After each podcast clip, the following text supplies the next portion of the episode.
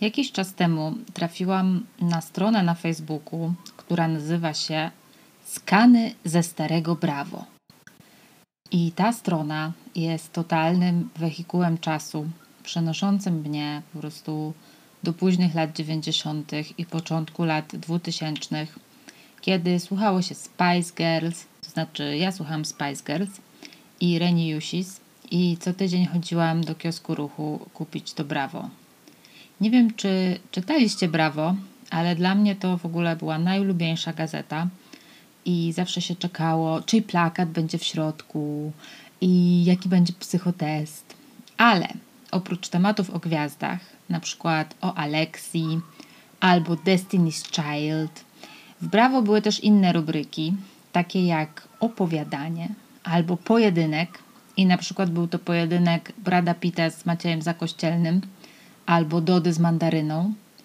I była też rubryka talk show, gdzie przepytywano gwiazdy oraz rubryka słowniczek, skąd można było się dowiedzieć, co to znaczy świrować jarząbka albo czaić bazę. I był też dział moda, no wszystko, co młodemu człowiekowi potrzebne. Ale tak naprawdę wszyscy wiemy, że Brawo kupowało się dla rubryki Trudne Pytania, na które odpowiadał m.in. pan Jacek, taki z wąsami.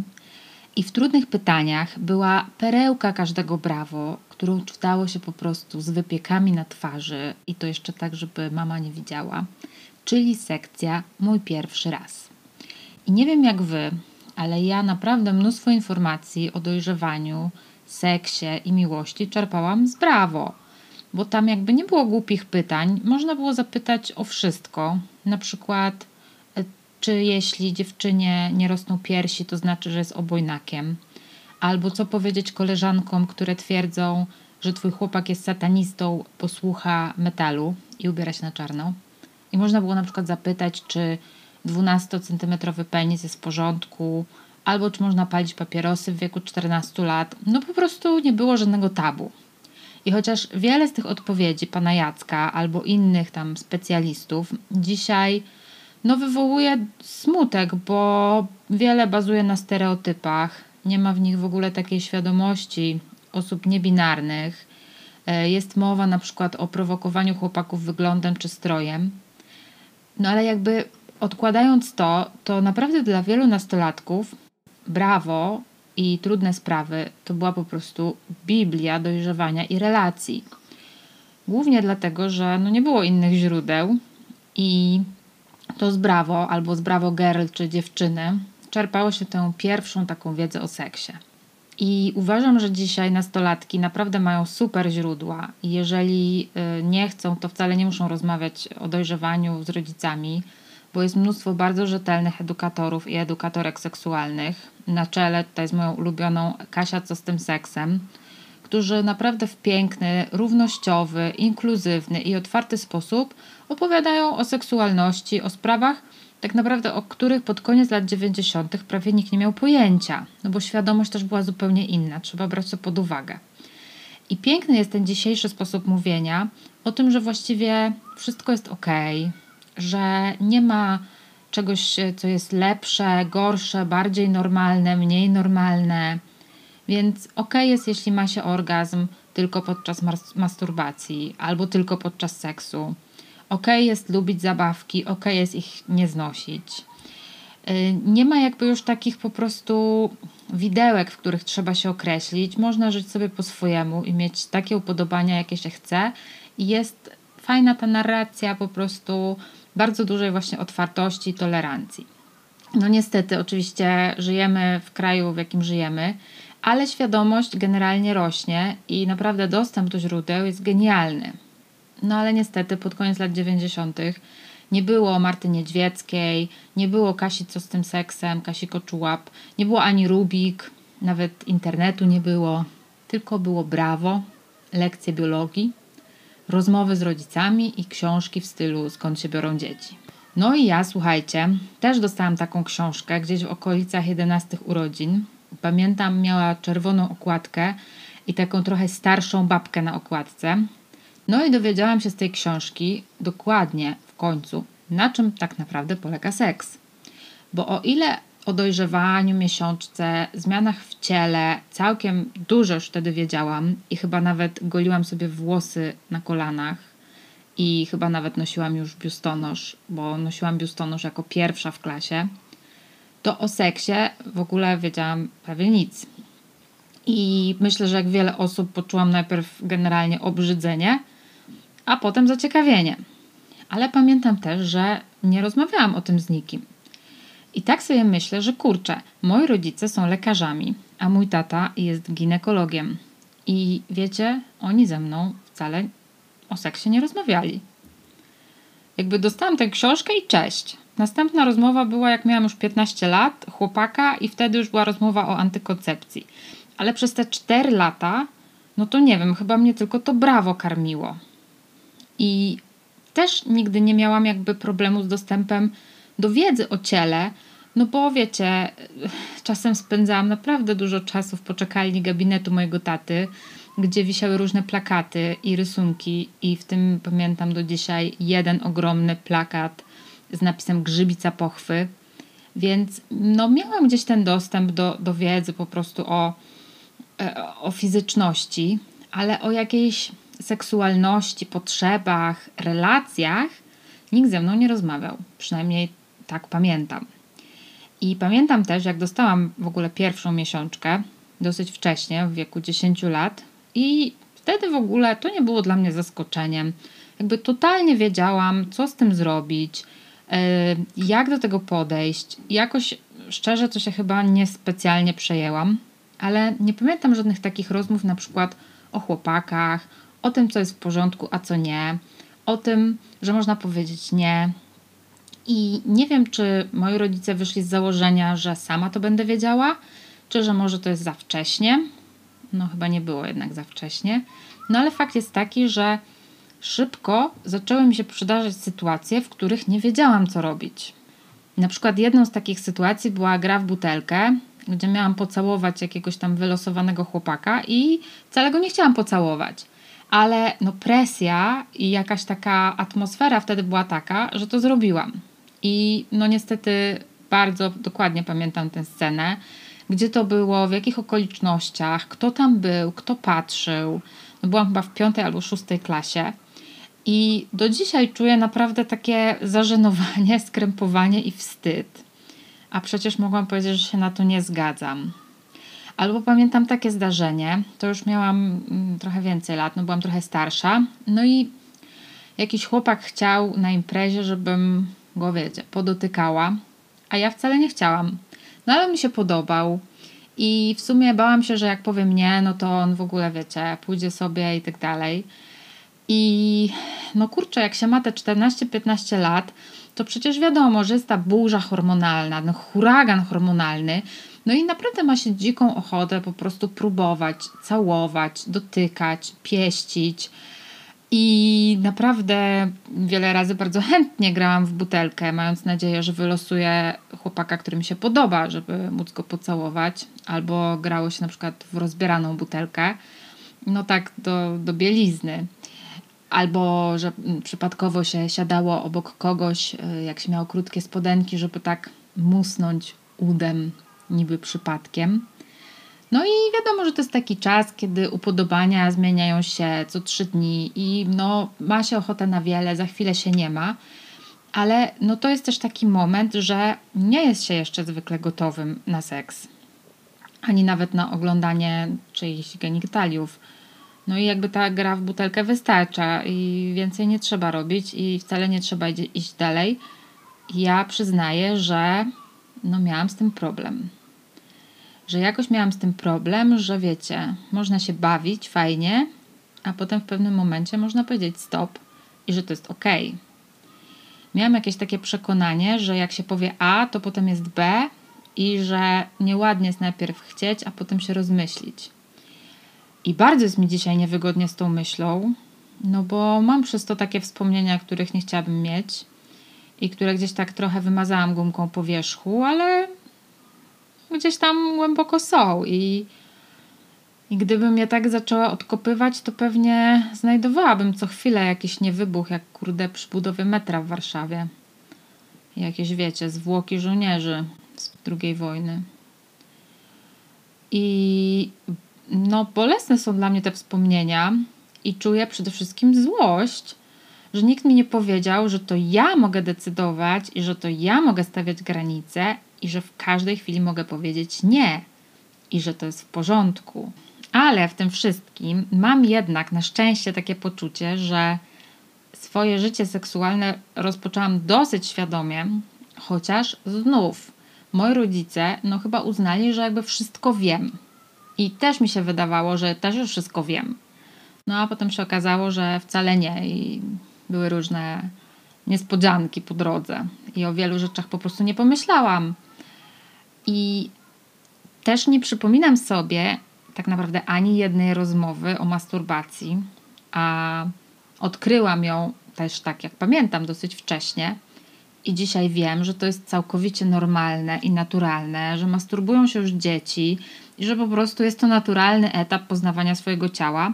Ale ja pamiętam, no, że bardzo, ale to bardzo się wstydziłam i na pewno Wam tutaj nie opowiem wszystkich moich przygód w tej krainie. No, ale dość powiedzieć, że czasami trzeba było szybko chować różne rzeczy, jak słyszałam, że ktoś wraca do domu. I bardzo żałuję, że nikt nie odbył ze mną tej może i krępującej, ale bardzo potrzebnej rozmowy, jak to robić bezpiecznie, higienicznie i przede wszystkim, że to jest ok i nie ma się czego wstydzić, tylko no, trzeba jakoś tam robić to trochę z rozsądkiem. I czułam się przez y, długi czas, jakbym miała taki swój właśnie dirty secret. No a to ani dirty, ani secret. I no może właśnie i trochę żenujące, ale y, normalne i jest to normalna faza odkrywania po prostu swojego ciała. I żałuję bardzo, że nie było wtedy Netflixa i serialu Sex Education, yy, bo jakbym miała w wieku 14 lat Netflixa, to może właśnie byłabym trochę mądrzejsza. Ale tak naprawdę to problem chyba mam z tym największy, że ja potem przez wiele lat tak jakby nie nadrobiłam w ogóle tych braków. Że tak jakby mój cały rozwój zakończył się na tym, co przeczytałam w Brawo i czego nauczyłam się na tych swoich pierwszych doświadczeniach, a potem temat umarł. I wiecie, jak byłam już trochę starsza, skończyłam szkołę, poszłam na studia, no i wypadało się wtedy raczej, przynajmniej na moich studiach, interesować na przykład amerykańską polityką, a nie seksem. I ten seks przez lata, muszę to uczciwie powiedzieć, no był taki trochę sztuczny. Nie chodzi o to, że jakiś nieprzyjemny, bo owszem, bywał bardzo przyjemny, ale ja w ogóle nie miałam potrzeby rozwijać się w tym temacie, czytać na ten temat, jakoś w ogóle zdobywać wiedzę, pytać, uczyć się. Raczej było tak, że realizowałam pewne jakieś swoje wyobrażenie o tym, jak seks powinien wyglądać. No i okej, okay, jakby realizowałam to, ale no nie wiem, czy faktycznie czerpałam z niego radość. Chyba nie. Znaczy, może tak, chyba nie zawsze. I to mimo, że ja się w ogóle uważałam za taką osobę raczej, wiecie, no bezpruderyjną, taką, która w łóżku się czuje bardzo dobrze, swobodna, pewna siebie i generalnie się nie wstydzi ani swojego ciała, e, ani nie ma kompleksów. To przyszło trochę później. Ale no, prawda jest taka, że nie byłam pewna siebie i długo chyba tkwiła we mnie jednak ta piętnastolatka, która nie mówiła nie, jak coś jej się przestawało podobać. I tak naprawdę to chyba zaczęłam się interesować seksem dopiero tak parę lat temu. Chodzi mi o takiej strony troszkę teoretycznej i takiej trochę też strony emocjonalnej, ale no w ogóle, że tak za zaczęłam cokolwiek czytać, oglądać, dowiadywać się, co robią i jak to robią inni ludzie. Oczywiście dzięki różnym źródłom, przede wszystkim internetowi, ale nie tylko, bo wyszło też trochę książek o życiu seksualnym Polaków i wydaje mi się, że ludzie bardzo szczerze opowiadają o tym, co ich podnieca, jak się w seksie realizują. I taka lektura bardzo skłania do refleksji i do odpowiadania sobie na różne pytania. I zaczęłam też słuchać podcastu Marty Niedźwieckiej, która bardzo taki dojrzały, a jednocześnie prosty sposób opowiada o seksie, seksualności, takim spełnianiu się w tym i przenikaniu się też emocji, relacji i fizyczności. I jakoś mam wrażenie, że w ogóle jestem dopiero w jakiejś połowie swojej własnej edukacji. Tutaj dużą robotę też na pewno zrobiła u mnie terapia, bo musiałam sobie odpowiedzieć naprawdę na e, bardzo takie trudne pytania, ale no właśnie, czuję, że jestem gdzieś w połowie. Natomiast w sumie mnie to cieszy, bo to znaczy, że jeszcze bardzo dużo do odkrycia i bardzo dużo jeszcze przede mną. I bardzo się cieszę, że dzisiaj jest jakby z kim rozmawiać o seksie, że istnieje nurt takiego bardziej holistycznego podejścia do seksu, jako czegoś, co łączy nam po prostu ciało z duszą, co nie jest tylko fizyczną przyjemnością, ale jakby nie trzeba zawsze też dorabiać do tego miłości, jakiejś takiej, wiecie, że do łóżka można pójść tylko z miłości. No, to, co nam wszystkie jakieś e, e, filmy czy książki kiedyś wymawiały, i że to jest w ogóle też taka dziedzina życia i materia, nad którą można pracować i fizycznie, i duchowo, i się w niej rozwijać. Bo ja też miałam ten problem, który pewnie ma część osób, że traktowałam seks jako substytut wielu rzeczy i jako coś, co zapycha po prostu jakąś chwilową pustkę. A potem borykałam się z wyrzutami sumienia za to, że tak do seksu podchodziłam, no bo przecież seks to tylko z miłości. No i to już się robiło niezdrowe w pewnym momencie, bo teraz wiem, że świadczy o tym, jak bardzo głęboko tkwią we mnie takie przekonania o tym, co wypada, a co nie. Mm, w ogóle takie stereotypy na temat męskości i kobiecości. I naprawdę bardzo nad tym pracuję, ale nie jestem w stanie tego wygumkować. Czasami po prostu nie umiem się pozbyć tych stereotypów ze swojego myślenia. I to wahadełko u mnie, właśnie takie wartościowanie, się wychyla czasami w jedną, w, dru w drugą stronę. I jakby, żeby nie było, mm, jakby odnoszę to tylko do siebie, bo poza tym uważam, że naprawdę każdy może mieć tylu partnerów, ile chce yy, i może uprawiać seks jaki chce, o ile nie krzywdzi yy, drugiej osoby ani nikogo wokół. I to jakby w żaden sposób nie świadczy o tym, jaka to jest osoba. Nie wiem, czy mnie zrozumieliście, czy udało mi się przekazać generalnie to, co chciałam powiedzieć. No myślę, że w ogóle chciałam się kiedyś znaleźć w takim jakimś może kręgu kobiet, w którym zupełnie otwarcie byśmy sobie porozmawiały o seksie i w takim odniesieniu do zupełnie czystej fizjologii. To chyba jest akurat y, dosyć proste. No ale też właśnie jakiejś takiej duchowości i Mm, jednak tej więzi, która się między ludźmi wytwarza, jak ze sobą y, sypiają, bo no można oczywiście uprawiać seks bez uczuć i on bywa świetny, ale jak się z kimś sypia przez dłuższy czas, to pewna więź się jednak wytwarza. No ale chodzi o to, że chciałabym kiedyś sobie tak naprawdę zupełnie szczerze pogadać o swoich doświadczeniach, wysłuchać też doświadczeń innych i trochę mi brakuje w życiu takich rozmów takich naprawdę zupełnie otwartych, zwłaszcza ostatnio, bo jednak przez Zooma albo przez Google Meetsa trudno się o seksie rozmawia.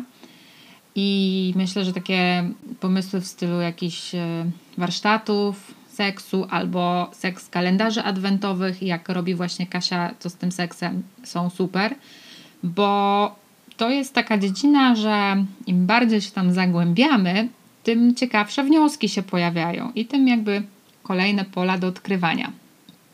No i cóż, e, szczerze mam nadzieję, że najlepsze jeszcze przede mną i tym razem nie będę Was prosić, żebyście się ze mną dzielili Waszymi doświadczeniami, ale jeśli macie ochotę mi coś napisać, to jestem i czekam.